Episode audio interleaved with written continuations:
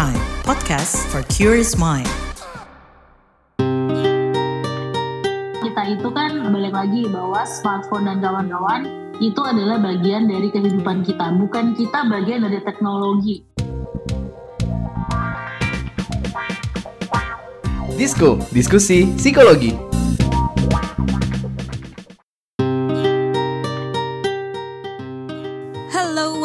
Selamat datang kembali di podcast Disco Diskusi Psikologi persembahan kantor berita radio KBR barengan sama komunitas Into the Light Indonesia Hapus Stigma Peduli Sesama Sayangi Jiwa. Masih dengan Mine dan Don, your favorite duo ya yang sering banget berantem di sini. Apa kabar Warriors? Semoga selalu sehat di mana pun kamu berada. Jangan lupa untuk selalu menjaga kesehatan fisik, mental, terutama kesehatan mata ya karena phone screen tuh lama-lama bisa bikin mata capek gitu. Ya nggak, Don? Hmm, Don. apaan? Iya ini nih, Maaf ngomong apa sih? sebel. Kenapa Ngomong sih main HP mulu? Enggak, ini bentar ada job callingan. Oh Asik. gitu. Gue barusan ngomong. Oh, ini gitu. nih yang bikin mungkin mata lo mulai ya minusnya nambah Enggak, belum buka silinder. kacamata. ah. Karena phone screennya nambah terus atau malah nggak pernah nggak pernah lepas dari HP nih kalau gue liat-liat Don tuh, tuh Iya, ya. namanya juga kerjaan, Mina. Oh, ini kita mulai. Oke, oke. Mau ngobrolin apa? Ngomongin apa? Coba, yuk. Gue mau ngomongin kenapa lo kayaknya nggak bisa lepas dari HP gitu. Why? Iya, karena emang teman paling setia ya handphone sekarang. Oh gitu. Iya. Ada yang disayang di situ ya. Ada yang disayang di situ, handphone juga disayang dong. Sampai dibawa ke toilet juga nggak? Oh iya, Oh my god. iya. Oh my god. Oh, iya dong. Nggak. Karena kalau chatnya dibalas lebih dua menit kan marah. Oh. sebelas sebelas kamu ngapain gitu padahal baca dia baru chat jam 11 11 11 nggak di, di dibalas 11 12 Aku bisa relate sih kalau itu. Iya kan itu masalah tuh satu menit aja Enggak tapi ya hati-hati aja sih karena ternyata yang Hmm. kayak gini-gini nih ada juga nih istilahnya namanya nomophobia.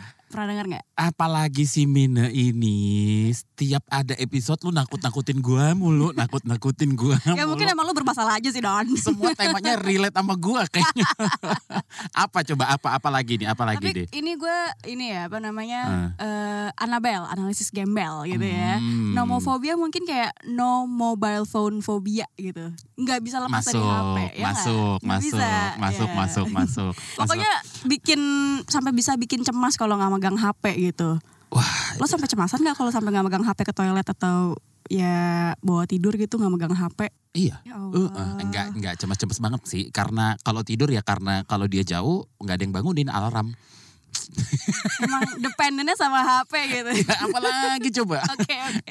Buat lebih jelasnya, mendingan kita langsung ngobrol aja kali ya. Apa sih nomophobia itu gitu kan? Kita- Phone friend kita. Phone friend lagi ya. Oke. Kita hari ini kedatangan tamu spesial favoritnya kita juga. Ada Kak Maria Jane Tianoviani Simanjuntak SPC MPC selaku dosen Prodi Psikologi Universitas Pembangunan Jaya atau UPJ. Oke, kita bakalan ngobrol bareng Kak Maria Jane Tianoviani Simanjuntak SPC MPC Psikolog selaku dosen Prodi Psikologi Universitas Pembangunan Jaya yang kita udah akrab banget jadi kita manggilnya KMJ.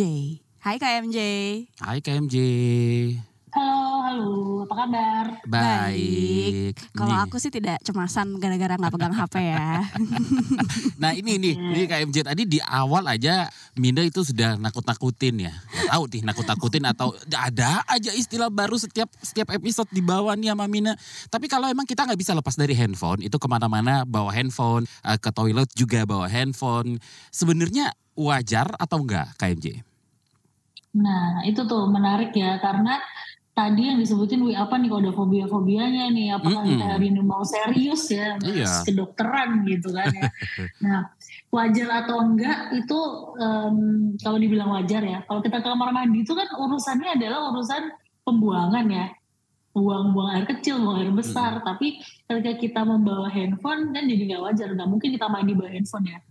Gitu loh. Hmm. Kan terkena air gitu ya. Kalau Bisa ngomongin ditaruh buat musik, dengerin musik biar Betul. mandinya tambah mood Nah. gitu. Atau kalau sekarang tuh suka ada apa namanya kantong yang anti anti air Ya. gitu. Pokoknya ada aja lah ino- inovasinya ya nggak biar nggak kena air Iya. gitu. Ah, Lihat ini ya pengalaman ya Mina ya. Nah tuh kan. Buka kartu deh. Jadi tapi berarti sebenarnya apakah itu jadi semacam kebutuhan yang eh, hiburan gitu ya, kayak mendengarkan musik, Ya, ya. apa mungkin dengerin podcast disco, cie sponsor Bener, gitu, uh-uh. atau emang atau malah sebenarnya itu sudah termasuk perilaku yang ya tidak wajar gitu kak? Iya. Mm. Kalau mau ngomongin kewajaran kita ke kamar mandi kan berarti nggak wajar ya kalau kita ngomongin konteksnya ke kamar Iya, mandi iya. doang. Tapi dengan perkembangan teknologi yang memang tadi si Don kan bilangnya nih kalau misalnya tidur aja nggak ada handphone nggak bisa bangun gara-gara alarmnya nggak Mm. bunyi. Nah berarti kan kamar mandi juga sama seperti itu perubahan eh, adaptasi kita hidup dengan kegiatan kita sehari-hari itu selalu menyertakan handphone atau mobile phone atau smartphone apalah sebutannya gitu ya. Nah kalau misalnya dibilang jadi nggak wajar ketika muncul nggak bisa pisah dari handphone gitu ya. Kalau nggak bisa pisah itu kan berarti ada indikasi keterikatan gitu ya dengan handphone gitu. Nah kalau udah begitu justru kita harus hati-hati nih mau ke mana nih arahnya si handphone karena handphone itu kan tools sebelum zaman teknologi ya toolsnya nggak pakai handphone nggak apa-apa gitu kan nah lebih ke situ sih soalnya gitu Ya, tadi menarik apa yang dikatakan KMJ ya. Lihat konteksnya dulu itu wajar atau enggak gitu Mm-mm. kan. Ya kalau tidur ya wajar. Yang gue tangkap kayak gitu ya KMJ ya. kalau kamar mandi ya udah nggak wajar aja gitu. Tapi ini kan kalau karena kebutuhan. Kalau kita ngomongnya soal kebutuhan nih KMJ. Iya. Ya kan itu smartphone semua kecanggihan eh, apa namanya bisa kita kendalikan dari Betul. handphone. Karena kayak kalau tadi lo smart bilang home, smart Betul. smart smart smart. Pokoknya yang smart smart itulah. Tadi ya, kan ya. kayak buat tidur Heeh. kalau misalnya dipegangin terus sampai akhirnya kita kurang tidurnya kualitas tidur jadi berkurang ya Hmm. jadi nggak wajar tapi kalau Hmm. emang itu kebutuhannya untuk akhirnya pasang alarm atau ada tuh yang aplikasi yang buat ngitung kapan eh, ngorok kapan ngigo Nah, gitu-gitu berarti Iya, jadinya bermanfaat iya. jadi kontekstual banget ya kontekstual. Mm-mm. Gimana KMJ? Iya betul. Sebenarnya gini, tadi kan ngomongin soal nomofobia, tadi belum Hmm. sempat dibahas ya. Eh, kalau dari sisi psikologi sendiri gitu ya, fobia itu kan masuk ke gangguan eh, ke mental gitu Oke, ya. Fobia itu adalah bagian dari gangguan kecemasan. Tadi kan di depan Dona Mamina sempat ngomong soal kenapa sih lo dari eh, nggak bisa pisah gitu ya, mirip seperti fenomena FOMO, fear of missing out gitu kan ya. Yes, ya. Kalau ini fear fear out of missing from uh, smartphone-nya, Smartphone. Uh-uh, smartphone-nya gitu kan. Nah, nah untuk terms ini gitu sebetulnya di psikologi masih belum disahkan, belum disahkan tuh gimana? Masih dianggap sebagai fenomena gitu ya yang belum belum sampai diketok palu bahwa ini adalah gangguan yang parah gitu ya. Hmm. Cuman kan baunya udah ada fobianya itu ya karena tadi si Don aja dengar pertama langsung ketakutan Hmm. gitu. Nah tadi ngomongin itu jadi belum ada term yang fix nih berarti lu tuh bakal lu tuh sakit karena lu kebanyakan nempel sama handphone. Oke. Yang kedua soal kebutuhan tadi, kenapa ya kan semua sekarang berkaitan sama handphone. Betul. Apakah kemudian eh, kita jadi salah gitu ya mem- memanfaatkan handphone sampai vendor third party application pun memanfaatkan itu ya bisnis lah ya gitu kan. Ah, ya. Nah itu gimana tuh gitu kan tadi pertanyaannya kan lebih gitu. Kita memang butuh. Nah tapi kalau butuh itu kan harus dibedakan dengan ingin ya. Nah Hmm. ketika harus membedakan dengan ingin berarti akan ada penengahnya jembatannya yaitu pengaturan kan gitu setting. Even di handphone aja ada setting ya. Kalau Iya. nggak di setting kita nggak bisa tahu nih kapan bisa bunyi kadang kalau lagi ini tiba-tiba geter kan kalau settingnya salah kan gitu nah berarti kita sebagai manusia bisa punya setting juga dong atas kuasa kita atau keputusan kita untuk mengatur kemudian mengelola ini kan gitu sebetulnya butuh sih boleh aja tapi harus tahu ini sih boundary jatuhnya ke situ tahu batasan Hmm. mm-mm. Kalau gue nih KMJ eh, pergi gitu nggak bawa dompet nggak masalah. Kalau handphone ketinggalan paniknya luar biasa gitu ya. Misalnya kayak sekarang kita bisa pakai kris Mm-mm. kalau bayar apa-apa. Kalau butuh atau apa-apa kita tinggal telepon gitu. Kalau dompet, kalau handphone yang ketinggalan mau ngapain? Bengong gitu. Betul. Dompetnya nggak bisa diapa-apain gitu loh. Itu gue udah ketergantungan mungkin ya sama handphonenya. Tapi jadi boundariesnya itu seperti apa KMJ? Pertama, kita itu kan balik lagi bahwa smartphone dan kawan-kawan itu adalah bagian dari kehidupan kita, bukan kita bagian dari teknologi Oke. Teknologi itu diciptakan oleh manusia untuk mempermudah hidup manusia kan gitu ya. Ya, setuju. mempermudah hidup manusia. Tapi dalam prakteknya yang semakin mudah ternyata ada gitu ya kualitas-kualitas dari manusia ini yang menurun kan gitu ya kalau kita terlalu bergantung tadi sampai alarm sampai bayar aja Ya. pakai handphone mungkin kalau misalnya informasi tertentu yang penting password kita sem- semua punya Google Ya, ya, untuk password simpan ya, password Google di situ. password, gitu ya untuk simpan password Hmm. semua cloud dan lain-lain gitu ya itu kan jadi apa ya tidak mengasah kualitas manusia itu sendiri ya. Dalam artian kalau orang zaman dulu inget ya inget aja simply pakai otaknya. Sekarang pakai kecerdasan buatan. Ah. even kerjain tugas gitu kan sampai kayak gitu. Nah ketika semuanya benar-benar hampir 100% lah gitu ya. 80 sampai 100% udah bergantung penuh berarti itu ada yang nggak beres sama hidupnya. Hmm. karena karena sebagai manusia kita itu tidak hanya eh, fokus kepada diri kita sendiri kan? Mm-mm. gitu. Kita punya eh, kehidupan sosial yang mana berkaitan dengan interaksi dengan orang lain. Gitu Iya, kan? iya. ini ke kantor oke lah bisa remote tapi kita tetap ngerasa butuh human touch pada akhirnya. Eh, gitu. Nikah nikah virtual emang bisa eh, jauh-jauhan terus misalnya. Atau teman virtual gitu ya. Nggak seru nih kalau nggak kopdar nanti ada gitu kan oke lah Iya. di WA grup gitu misalnya. Oh iya kita kopdar dulu nih biar saling kenal. Setelah saling kenal kita bikinlah relasi. Bisalah bikin bisnis dan lain-lain. Even orang sekelas Mark Zuckerberg aja yang udah sesukses itu dia juga butuh ngelobi orang secara langsung. Kayak gitu kan? Hmm. Nah, batasnya berarti ketika imbalancing di kehidupan kita itu semakin timpang, jadi like 100% atau ya tadi 85 sampai 100 itu isinya tentang teknologi, berarti apakah kemudian em, kualitas kita yang tanpa teknologi ini karena teknologi kan hidup kalau ada listrik loh. Nah kalau nggak punya listrik mau gimana? Nggak bisa kan gitu loh. Jadi ya perlu tahu bahwa ini berkaitan juga dengan aspek kehidupan kita bahwa dalam kehidupan kita tuh punya lima aspek besar. Pernah tahu nggak? Nggak tahu KMJ. Nggak tahu. Mau dikasih tahu nggak? Boleh dikasih tahu. Ya KMJ gitu. Gue googling juga nih handphone lagi kan. Iya. Dikit-dikit googling nih KMJ kan. Ah, Iya. ya, ya.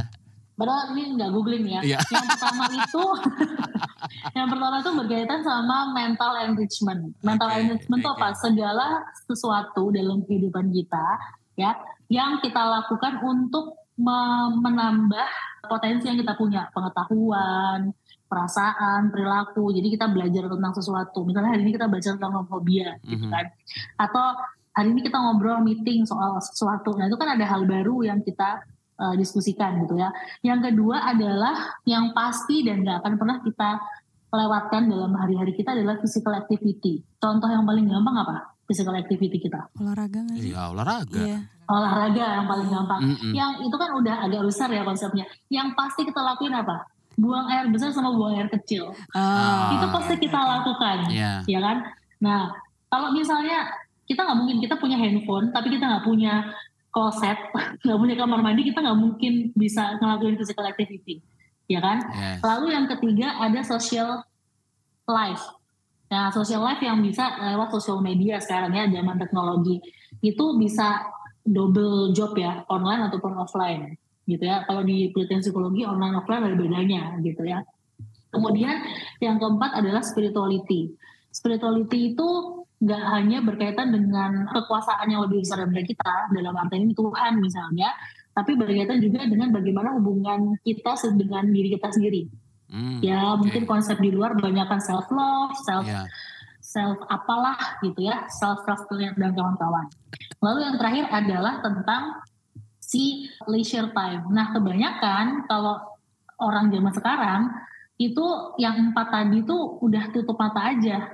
Jadi kita nggak aware gitu ya bahwa oh kita udah imbalance di dalam kehidupan intinya semuanya itu masuk ke misalnya semuanya kerja kerja kerja kerja mental management terus gitu ya sisanya nggak ada hubungannya jadi kosong kaya sih tapi empty dalamnya adalah nanti masalah psikologis gitu atau mencari kepuasan misalnya kepuasan diri misalnya di bagian spirituality lewat nontonin apa nulisin di thread mulu gitu Iya. ya padahal di Twitter juga sama aja sebenarnya ya gitu jadi kadang-kadang itu karena sering kali kita kan ini ya karena teknologi kita pengen tahu kalau sekedar pengen tahu itu bagus karena nambah wawasan. Tapi kalau kita tenggelam di dalamnya, itu jadi problem. Sama sih handphone kan kita pakai ada batasannya. Nggak mungkin kita tidur nontonin handphone. Mungkin sih KMJ kalau ketiduran gitu ya, Ya. handphone yang nontonin kita gitu kan. Nah itu tuh, itu berarti yang perlu ada manajemen diri yang lebih advance. Karena teknologi secara tidak langsung mengerdilkan kualitas manusia sebetulnya. Gitu. Banyak banget yang mau ditanyain sebenarnya. Tertarik ini juga tadi mental enrichment juga untuk Iya, mempelajari iya. si lima hal tadi langsung eye opening banget sih. Kita break dulu ya. Tapi kita break dulu ya setelah yang satu ini. Saudara pemerintah menyerahkan Tolong, tolong. Oh, sang pencipta nun jauh di sana. Aku sudah tak sanggup. Sepertinya ajalku sudah dekat. Oh, Isabella kekasihku. Maaf, Kakanda melanggar janji. Kakanda tidak bisa mempersuntingmu. Wahai anak muda, nun jauh di sana. Bertahanlah. Kami, Kesatria Homo Sapiens, datang menyelamatkanmu. Oh, sang pencipta. Akhirnya kau jawab doaku. Isabella, Kakanda datang. Aduh, udah sini buruan. Nggak mau kan tenggelam dalam derasnya arus informasi? Makanya dengerin FOMO Sapiens, jalan pintas yang nggak bikin kamu ketinggalan berita atau peristiwa di sekitar kamu. Bersama saya Ian Hogan. Dan saya Aika, hadir setiap Jumat. Simak hanya di kbrprime.id dan di platform mendengarkan podcast kesayangan kamu. Warriors, we are back. Kita lagi lanjutin ngomongin seputar nomophobia alias fobia atau kecemasan nggak bisa jauh-jauh dari HP. Barengan sama Kak MJ di sini dan juga ada Don dan Mine. Tadi sebelum break eh, sempat ngomong soal ya teknologi itu diciptakan untuk memudahkan manusia. Itu setuju banget sih. Setuju. Jadi apalagi sekarang kita AI juga banyak banget gitu kan. Jadi ya bisa dibilang ini ini analisa sotoynya gue aja nih ya Kak MJ sama Amina. Jadi bisa dibilang itu kayak ya pisau bermata dua asik. Wow, Iya nggak kamu sih? puitis Iya. sekali.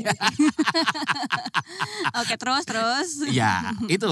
Jadi penyebabnya apa sih Kak? Ya itu ya selalu ketika ada kehebohan pasti pengen tahu kenapa sih kok bisa terjadi kan gitu aja lah Yes, ya. gitu ya bagian dari mental enrichment tadi Iya. udah dijelasin kan Iya. gitu. nah Heeh. eh, satu secara ilmu biologis gitu Hmm. ya karena di psikologi kita belajar ilmu biologis otak manusia itu bergerak belajar melalui kebiasaan. Analisanya Don yang apa tadi Anabel ya analisa gembel dari istilahnya si Mine bahwa si manusia itu terlalu sering terekspos gitu ya akhirnya sering jadi terbiasa. Otak kita itu sangat suka dengan pola. Kita manusia itu secara biologis suka dengan pola. Makanya Ya. kalau tiap pagi butuhnya teh atau kopi bilang teh ya udah teh terus gitu kan paling iya. ketika ada hal baru yang oh bisa nih ini kalau nggak cocok balik lagi ke pola yang lama gitu ya. Jadi memang kita itu udah kayak diciptakannya begitu dari sononya. Nah terus tadi kan dibilang apa penyebabnya? Yang pertama bisa itu itu secara eksternal gitu ya. Karena kita dari dalam udah suka dengan pola lalu ada exposure terus menerus secara eksternal akhirnya kita terpatri lah terbiasa nyaman dengan itu lalu ditambah lagi misalnya sering kali penyebabnya kita nggak bisa lepas itu adalah karena kita eh, berkaitan dengan unsur-unsur psikologis misalnya nih ya sering kali masalah yang ditemukan yang suka banget sama handphone itu adalah orang-orang yang eh, masih apa ya unstable secara psikologis Hmm. gitu. Jadi unstable tuh karena tadi segala macam ada di sini ya bisa searching information, Iya. bisa dapat cowok matching lewat beberapa aplikasi dating gitu ya, bisa dapat duit lewat investasi dari aplikasi, Iya, bisa iya. dapat pinjaman online, Yes. gitu banyak banget ya fiturnya. Nah itu dimanfaatkan betul-betul oleh peng- pengusaha di- pengusaha di dunia gitu. Nah cuman apa yang masuk di handphone kita tuh tetap kita yang bisa handle kan jatuhnya. Hmm. Nah, jadi ketika ada ketidakstabilan tadi, semuanya pengen dicoba, akhirnya jadi ketagihan dong.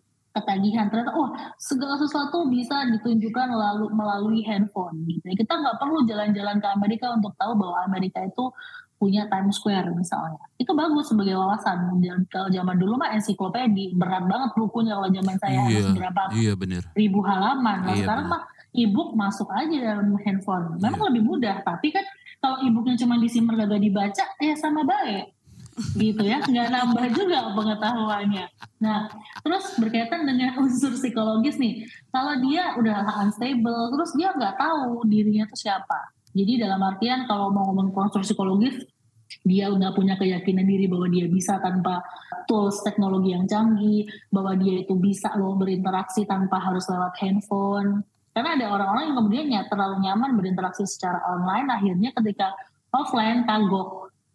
Memang kalau ketemu offline tuh gue harus senyum. Kalau senyum di handphone kan tinggal emoticon senyum ya. Nah, kalau ini harus kelihatan Iya, iya lagi ngetiknya padahal nggak wake wake wake wake. iya, gitu. bener kan? Iya. Pengalaman pribadi kayaknya ya kalau itu juga ya. Jadi tadi ya, secara interpersonal pun jadi terhambat. Jadi dia malah ada kecenderungan mengisolasi diri gitu ya. Penyebab itu juga dia nggak nyaman dengan dirinya gitu. Sama biasanya memang kalau makin muda gitu ya, biasanya itu tadi kan, wah seru nih segala sesuatu bisa lewat ini dan gampang, instant semuanya instan nggak perlu repot kayak zamannya Pak Habibie sama Bu Ainun yang mau teleponan harus lewat surat atau telegram. Yeah. kalau perlu kode ini ya kode sandi rumput mungkin kalian berdua nggak zaman ya atau zaman ya Don ya? Sandi rumput gitu atau sandi morse ya ikut pramuka gue pramuka. gitu. Aku gue iya, pramuka, pramuka. kayak BJ Bukan ya, ya. oh ya udah deh. gitu. Jadi penyebabnya memang sama itu dia nggak yakin uh, bahwa uh, dirinya memang nggak mampu tanpa bantuan tools. Karena generasi sekarang itu tipikalnya begitu. Nggak bisa kalau nggak pakai teknologi, nggak bisa kalau nggak pakai online apa tuh, iya tuh. Mm -mm. Uh, solution. Iya. Gitu. Kalau gitu berarti secara penyebab kita sudah paham gitu ya. Yeah. Tadi kita sudah sempat ngebahas juga itu penting banget untuk kita bisa bikin boundaries gitu ya. Apakah uh, ada langkah berikutnya untuk melakukan pencegahan gitu KMJ karena kadang di tongkrongan aja tuh kita semuanya nunduk gitu kan main HP. Hmm, Jadi yeah. kayak hmm, gimana nih kalau emang semua orang memang rasanya lebih nyaman untuk untuk balik ke HP masing-masing gitu kan ya. Hmm. Dan rasanya mungkin lebih bisa tidak fake di online dibandingin ketemuan offline nggak tahu sih gitu kan tapi kadang kita tahu sih pasti secara otak kita tahu gitu uh, iya harus bikin boundaries tapi kadang kita bingung mulainya dari mana sih emangnya gitu kan ya kira-kira pencegahan-pencegahan yang bisa kita lakukan mau itu boundaries atau mungkin ada hal lain tuh apa aja sih kak gitu oke okay. Kalau boundaries itu ya paling gampang ya screen time-nya ya dikelola. Gini, kita sebagai orang dewasa jahat banget nih sama anak kecil. Lu boleh pakai handphone Sabtu Minggu doang. Nah, sedangkan kita yang orang dewasa nih, semua orang dewasa kan ini nggak ada anak di bawah umur kan ya, itu pakainya tuh kayak never ending, even yeah. lagi iya. pup aja gitu yeah. ya, hmm. ngeliatin handphone, entah nonton video TikTok lah, entah nonton apa lah gitu. Nah, itu tuh jadi perlu pengorbanan gitu bahwa kita tuh nggak boleh peraturan hanya untuk kaum yang lebih lemah dalam arti anak gitu, tapi untuk kita juga kita harus berani memutuskan bahwa uh, ini adalah waktu gue untuk ngobrol sama rekan kerja gue. Ini waktu untuk bahas meeting gitu ya. Boleh lah pakai tools untuk eh kemarin itu filenya udah gue kirim lo boleh ntar dilihat tapi tetap interaksi sosialnya dulu ini nomor satuin gitu. Jadi uh, harus berani karena musuh terbesar adalah diri sendiri gitu. Tadi kan Mini udah bilang tahu sih secara otak, tapi ketika kita kumpul ternyata nyamannya untuk update status, ya kalau emang kerjanya influencer ya beda gitu ya. tapi kalau kita maksudnya ya udahlah kita common human aja orang biasa yang menggunakan smartphone sebagai uh, alat bantu, berarti kan kita perlu tahu bahwa sebenarnya prioritas kita yang mana. Apakah memang handphonenya gitu ya, ataukah yang terjadi saat ini. Nah, karena nanti nyeselnya nanti gitu. Ternyata ada kasus tuh misalnya beberapa mahasiswa yang kayak gitu nggak bisa lepas dari handphone. Kemudian ketika ditanya masalahnya apa dia juga nggak tahu. Dia bahkan nggak punya kemampuan untuk berpikir dia itu kenapa. Jadi kemampuan berpikirnya tuh turun banget. Nah itu tuh jadi panjang gitu bahayanya. Mencegahnya tadi mau nggak mau harus manage. Manage waktu, manage screen time, kemudian tahu tadi menyeimbangkan, balancing semua lima aspek kehidupan itu, jangan sampai waktunya physical activity ya handphonean gitu kan. Iya. Ya udah olahraga siapa tahu ntar di tempat gym ketemu abang-abang si Mina misalnya ketemu koko-koko atau Mas Bule gitu ya nggak tahu deh siapa gitu. Si Don tiba-tiba ketemu eh, apa namanya idaman gitu ya atau ya udah simply oh ternyata gue ketemu rekan kerja gue di tempat gym misalnya. Itu hanya karena terus handphonenya dipakai untuk ya udah tukeran nomor yuk kita biar kita bisa kontak. Awalnya kan tetap seperti itu. Balik lagi ke tradisional apa ya boleh kok pakai handphone tuh boleh banget. Kita eh, maksudnya saya juga nggak memungkiri bahwa saya kita semua butuh. Ya. even even Betul. sekarang juga kita terhubung lewat teknologi. Tapi perlu tahu bahwa gitu ya itu tidak harus selalu gitu karena dampaknya itu loh ke kesehatan radiasinya gitu ya. Belum nanti eh, itu tadi kualitas eh, kualitas kualitas bagus kita menurun. Gitu tetap harus manage dan berani bilang bahwa kalau memang sama teman tadi ya kasusnya Mina yang dibilang bahwa kita lebih nyaman nih sama telepon gitu. Nah kita hari ini mau pamer telepon atau mau update status dulu kalau update status mah di, di rumah masing-masing aja. Jadi harus berani kayak gitu. Pertanyaannya berani nggak? Hmm. pernah nggak gitu kan ngerasain ngomong hal kayak gitu ntar ini orang nyinyir banget deh. Nah itu kan gitu-gitunya jadi nggak dapet ya feelnya kalau ya. kita banyakan main sama handphone Betul. Berarti gitu. kontrolnya ya di kita juga gitu ya ke hmm. MJ ya. Tapi benar sih Iya. sekarang itu menurunkan kualitas kita. Ini kayaknya mungkin harus dua episode ya kita. ya udahlah habis ini dengerin habis dengerin ini kita merenung dulu ya. Iya benar benar benar benar benar. Terima kasih KMJ yang sudah bersedia untuk sharing pengetahuan Ya. tentang nomofobia di episode kali ini dan episode kali ini hasil kerjasama dengan Universitas Pembangunan Jaya atau UPJ. Oke, kita juga mau bilang terima kasih banyak ya untuk kamu nih Warriors yang sudah mau mendownload dan mendengarkan podcast ini. Dengan mendengarkan podcast ini, semoga kita bisa membantu menghapus stigma ya di masyarakat, lebih peduli juga terhadap orang-orang di lingkungan sekitar, dan tentunya juga jangan lupa untuk selalu menyayangi jiwa sendiri. Sampai ketemu lagi di podcast episode selanjutnya. Dengerin terus di kbrprime.id ya. Gue Mine. Gue Don, pamit undur diri. Bye-bye.